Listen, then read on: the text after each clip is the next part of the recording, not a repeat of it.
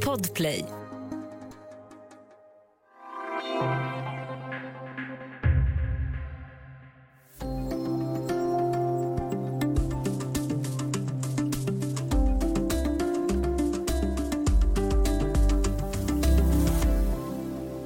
I veckan passerade Sverige 15 000 döda i covid-19. Coronakommissionen utreder hur Sverige har hanterat pandemin och hur lyckosam den svenska strategin har varit. Nu kommer deras andra delrapport. Välkommen till Studio DN. Jag heter Sanna Thorén Björling.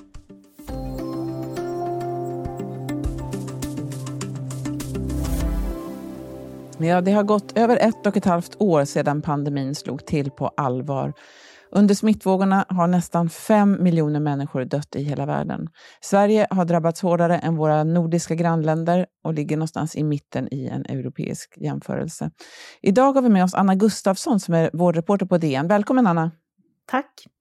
Du, vi ska prata om Coronakommissionen och vad de gör. Eh, men först bara lite kort, hur ser smittoläget ut i Sverige just nu? Just nu så är ju smittoläget eh, värderas i alla fall till att vara lågt i Sverige jämfört med omvärlden. Och eh, belastningen på sjukvården är ju också ganska låg. Eh, det är väl idag 28 inlagda intensivvårdspatienter i hela landet. Och så, så, har, det, så har det legat eh, eh de senaste veckorna kan man väl säga, runt 30 patienter. Men sen, sen kan man ju säga att i i Stockholmsområdet så har man, rapporterar man igår att eh, smittan ökar och den ök, har ökat med 30 procent sedan förra veckan. Så det är ju lite oroande. Man inte riktigt vet vad det kommer att innebära, så att säga. Vi testar väl inte så mycket längre i Sverige heller, så vad, vad vet man egentligen? Precis, det är ju en osäkerhetsfaktor när man säger att det är liksom en brasklapp man måste ha när man säger att eh, smittan att vi har en låg smittspridning. Att man faktiskt har, har minskat eh, testan, det breda testandet. Ehm, du var ju inne lite där på att sjukhusen inte är överbelagda alls. Eh, vi ska återkomma till sjukvården, för hur den har klarat av pandemin tillhör det som nu har granskats av den så kallade, eh, så kallade Coronakommissionen. Och ehm, när vi förpratade inför den här inspelningen så eh, sa du att den tillsattes den 30 juni 2020, alltså efter tre, fyra månader av pandemi. Det känns ju väldigt länge sedan eh, som den eh, tillsattes. Eh, kan du bara säga varför tillsatte man en kommission? Jag tror att vid den tidpunkten, då hade den första vågen i pandemin hade liksom klingat av. Man hade, man, den nådde sin topp då i mitten på april, mitten, slutet på april Eh, 2020.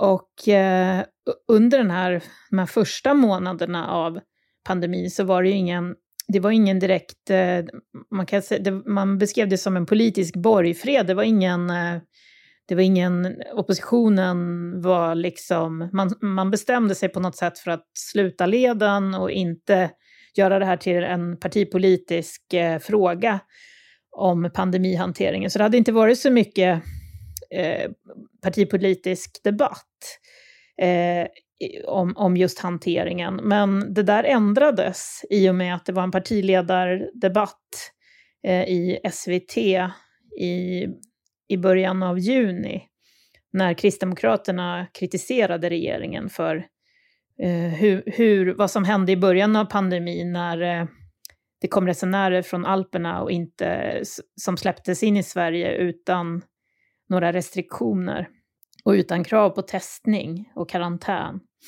Eh, och, och, i samband med det så hade också diskussionerna, diskussionerna om en kommission hade kommit igång. Eh, men Stefan Löfven sa i maj att den här kommissionen skulle tillsättas efter att pandemin var över. Eh, men efter den här debatten, eller i samband med den här debatten, då började det resas krav från oppositionen och inte minst då från Moderaterna om att den här kommissionen skulle tillsättas under tiden som krisen pågick. Sen kan man väl säga att eh, då i juni eh, 2020, det var ju många som inte trodde att det skulle komma något mer än en våg så att säga, att nu var, nu var liksom pandemin över för Sveriges del, därför att det var ju det som det var också det som Folkhälsomyndigheten sen uttalade eh, under sommaren, eller precis på sensommaren, att eh, Sverige skulle inte, skulle inte få någon andra våg. Men, men det, det, liksom, det, politiska trycket i den här frågan ökade och därför så tror jag man regeringen bestämde sig för att att den här eh, kommissionen skulle tillsättas, eh, även, om man, även fast man inte visste att faran var över riktigt, så att säga. Eh, så då tillsatte man den här eh, kommissionen. Vilka eh, är det som sitter där? Kan du säga någonting om vilka kompetenser man har valt ut och, och, och vilka personer som, som sitter där? Ja, den leds ju av eh, en jurist som är Mats Melin heter han, och i den här kommissionen så sitter det ju sju personer och de har lite blandad eh, erfarenhet. Eh, en professor i, i statsvetenskap från Uppsala universitet, Shirin Albeck Öberg. Och där sitter Torsten Persson som är professor i nationalekonomi på Stockholms universitet och eh, Mats Torslund som är professor emeritus i eh, socialgerontologi, alltså den som har eh, väldigt eh, hög kompetens när det gäller äldrevård. Då. Och sen eh, Göran Stiernstedt som är en eh, väldigt eh, meriterad sjukvårdsutredare. Och sen så sitter också Vesna Jovic som är social, hon är från SSR, men hon har också en bakgrund i Sveriges kommuner och regioner, bland annat. Och sen är det en professor, Anne Nander från Försvarshögskolan. Eh, och Camilla Liv som är präst i Svenska kyrkan. Så att det är en ganska bred... Eh, de har väl, det var ganska, ganska breda erfarenheter kan man säga. Sen har de fått kritik för att de inte har tillräcklig medicinsk kompetens, men Göran Stiernstedt är ju ändå läkare. Mm. Och sen har de fått rätt rejäla direktiv. Ehm, kan du bara säga någonting om vad, vad, det, man ska vad det är den ska titta på? Ja, de ska titta på hur Eh, det svenska samhället, och eh, myndighets-Sverige och förvaltningen har klarat den här krisen. Men det är också, de ska, de ska också titta på hur man eh, hur samhället lyckades stoppa smittspridningen. Och, och, så det ska handla om myndigheterna, alltså både regionernas och de statliga förvaltningarnas kompetens att hantera en kris. Och, eh, och sen ska den, ska den ju också göra internationella jämförelser eh, om hur man har tacklat den här eh, coronapandemin. Ja, och inte minst då såklart sjukvården är ju en, en del av det här, men också beredskapen eh, allmänt för en, för en samhällskris och för en pandemi. Och, och, och påverkan och kommunikation som myndigheter har fört ut till befolkningen. Det är verkligen ett helhetsgrepp. Det är ju ingen, ingen dålig, eh, ingen dålig att göra, att göra lista här. De har fått på sig till februari nästa år. Eh, vi ska ta en liten paus och alldeles strax så ska vi prata mer om Coronakommissionen och den svenska strategin.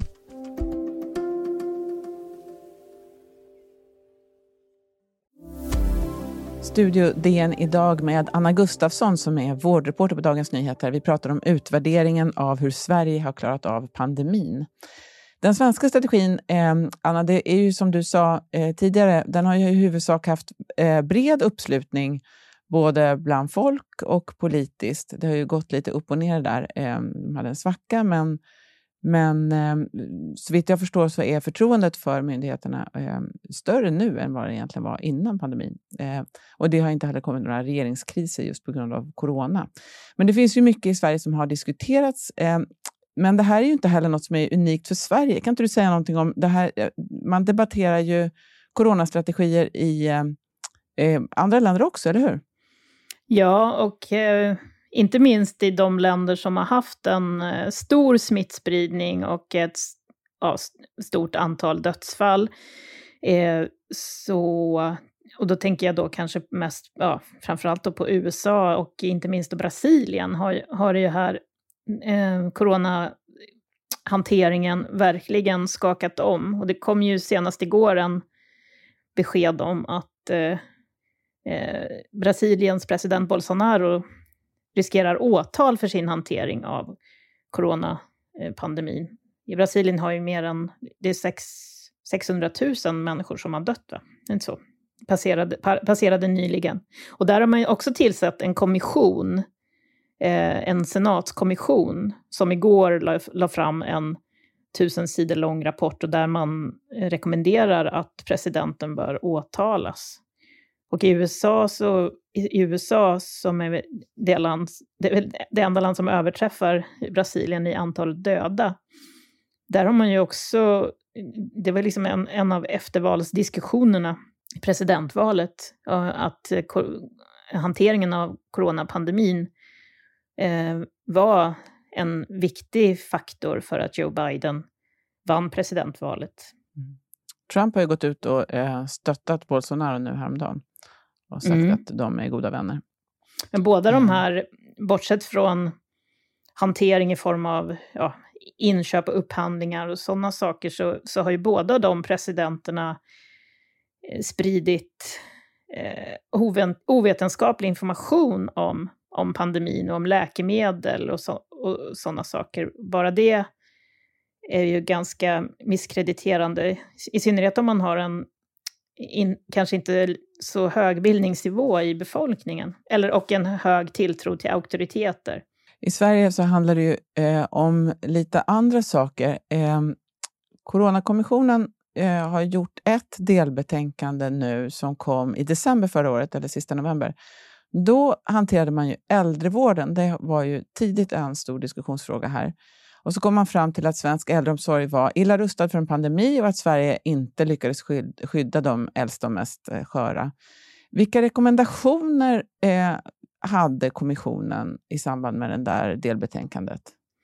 Man rekommenderar bland annat då att man måste höja nivån på svensk äldreomsorg när det gällde utbildning. Och det, var ju, det, gällde, det gällde ju allmänt liksom, eh, de som jobbar i äldreomsorgen, att deras eh, kunskaper skulle, eh, måste förbättras genom utbildning av den befintliga personalen. Men, så särskilda utbildningsinsatser, men också men sen handlade det också om de äldres tillgång till medicinsk vård eh, lä och läkarinsatser på äldreboenden. Därför att i Sverige har man en, man har en uppdelning att kommunerna eh, ansvarar för äldreomsorgen, men, men omsorgen, där är den medicinska nivån, eller eh, den högsta nivån inom kommunerna är sjuksköterska. Och eh, det läkar, läkar, den, ja, läkarvården står regionerna för. Och en rekommendation var att, eh, att man borde se till så att, eh, om, att äldreomsorgen får anställa läkare, vilket inte är eh, vilket inte är, ja, vilket inte är, ja så är det inte idag. Det, det är inte tillåtet för kommunerna att anställa läkare. De här, kom det några motreaktioner mot, mot kommissionens vad de sa där? Eller var det med, var, tyckte folk att de hade rätt? Eller de som kände sig kanske kritiserade? Det kan väl ha tolka, alltså tolkats som att man kritiserar personalen, men jag tyckte nog inte att den där... Jag tror att det, det fanns en ganska... Det, det, här var ju kända strukturella problem som man har i svensk äldreomsorg. Men de blev liksom... Eh, det blev extra märkbart i den här pandemin då, var bristerna låg. Man konstaterar ju också att Sverige utmärkte sig genom att vi hade en låg utbildningsnivå om man jämförde med de nordiska länderna. Och dessutom genom att vi hade en hög andel eh, deltids eller timanställda. Just det, som ökade sårbarheten då i äldreomsorgen. Nu är det dags för det andra delbetänkandet. Och, och vilka områden är det eh, som står eh, på tur nu? Mm. nu? Nu kommer man ta upp mer i detalj hur eh, smittan kom in till Sverige och när den gjorde det och hur den spred sig i, eh, i landet. Eh, och det här har man väl lovat att man kommer kunna göra lite mer detaljerat än, än vad som har varit fallet tidigare. Man kommer också komma in på hälso och sjukvården och hur hälso och sjukvården var rustad och, eh, och vilken förmåga intensivvården hade att eh, klara pandemin. Också hur, hur sjukvården var samordnad eftersom eh, vi har 21 regioner och hur den här statliga samordning, samordningen gick till. Men det kommer också, de kommer också komma in på pandemiberedskapen i stort och inte minst då hur man fick igång eh, eller frågan om smittspårning, hur, hur, man lyckades, eller hur man eh, lyckades med att eh, stoppa smittspridningen och hur man lyckades eh, rigga smittspårning och testning i ett tidigt skede. Du har ju själv gjort en rad reportage, bland annat från IVA. Eh, kan du säga något om vad som har slagit dig när du själv har varit ute? Till en början med så var det väl kanske svårt att... De flesta har inte så mycket bild av vad intensivvård är för någonting i ett normalläge, så att säga. Men efter den här pandemin så, är det väl, så har väl de allra flesta fått e- en bild av intensivvård, men den är inte riktigt, den kanske inte riktigt speglar vardagen kan man väl säga. Det som hände var väl att inom sjukvården så pratar man ju pratar man väldigt mycket om att det är överadministration och en jättestor överbyggnad, att det är tungrott.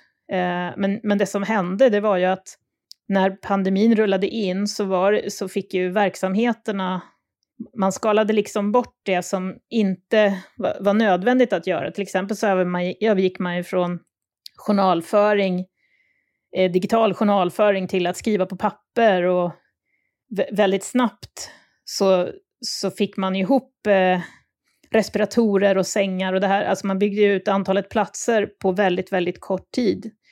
Och det här, eh, det, det här har väl, har i alla fall sjukvård, alltså inifrån sjukvården själva sagt att alltså den här krisen var ju, var ju fruktansvärd, men att det var också en kraftsamling som, som var exceptionell och att många kände, eller liksom många har ju beskrivit att de skulle ändå inte ha velat vara utan det här, så att säga. Mm. I slutbetänkandet då, eh, som kommer i februari, då ska kommissionen eh, ge sina synpunkter på eh, på hur staten, alltså myndigheter och regeringen har klarat av en sån här kris. Eh, och du var inne på det också, att Sverige skiljer sig en del från hur andra länder i hur förvaltningen fungerar här med självständiga myndigheter. Det kommer då den i slutet av februari. Eh, vad kan vi vänta oss då, tror du? Ja, men det är då, då blir det ju ett mer... Då kommer man ju få en bild av hur det, hur det svenska samhället statsapparaten och förvaltningarna hur, hur är rustade för att kunna hantera en kris.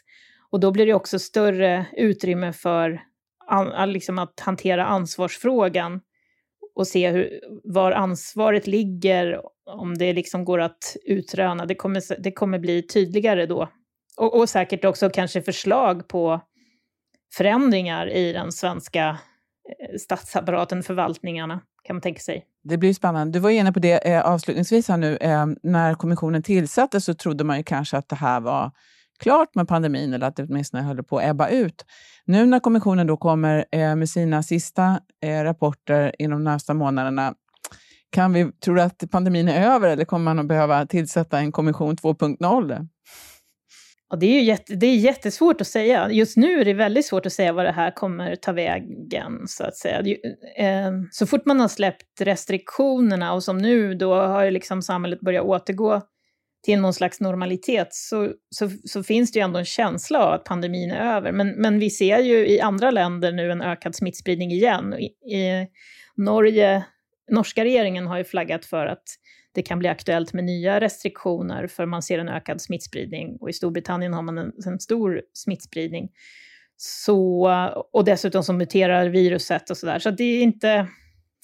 Um, ja, det är inte säkert, det, det, är svårt, det är faktiskt svårt att säga, därför att det kan ju också vara så att man, ju längre den här pandemin pågår, desto mindre, desto mer normalitet måste det ju liksom in även i i eh, styrningen av landet, liksom, trots att det här viruset existerar. Det blir liksom inte riktigt samma eh, krisläge eh, år efter år, tänker jag. Det blir liksom en normalitet. Så det, det, kanske inte blir någon mer kommission. Däremot så kan ju den här kommissionen, eftersom den kommer i februari, den kan, det kan ju faktiskt få påverkan, skulle kunna få påverkan på, på valet, eftersom vi går in i ett valår.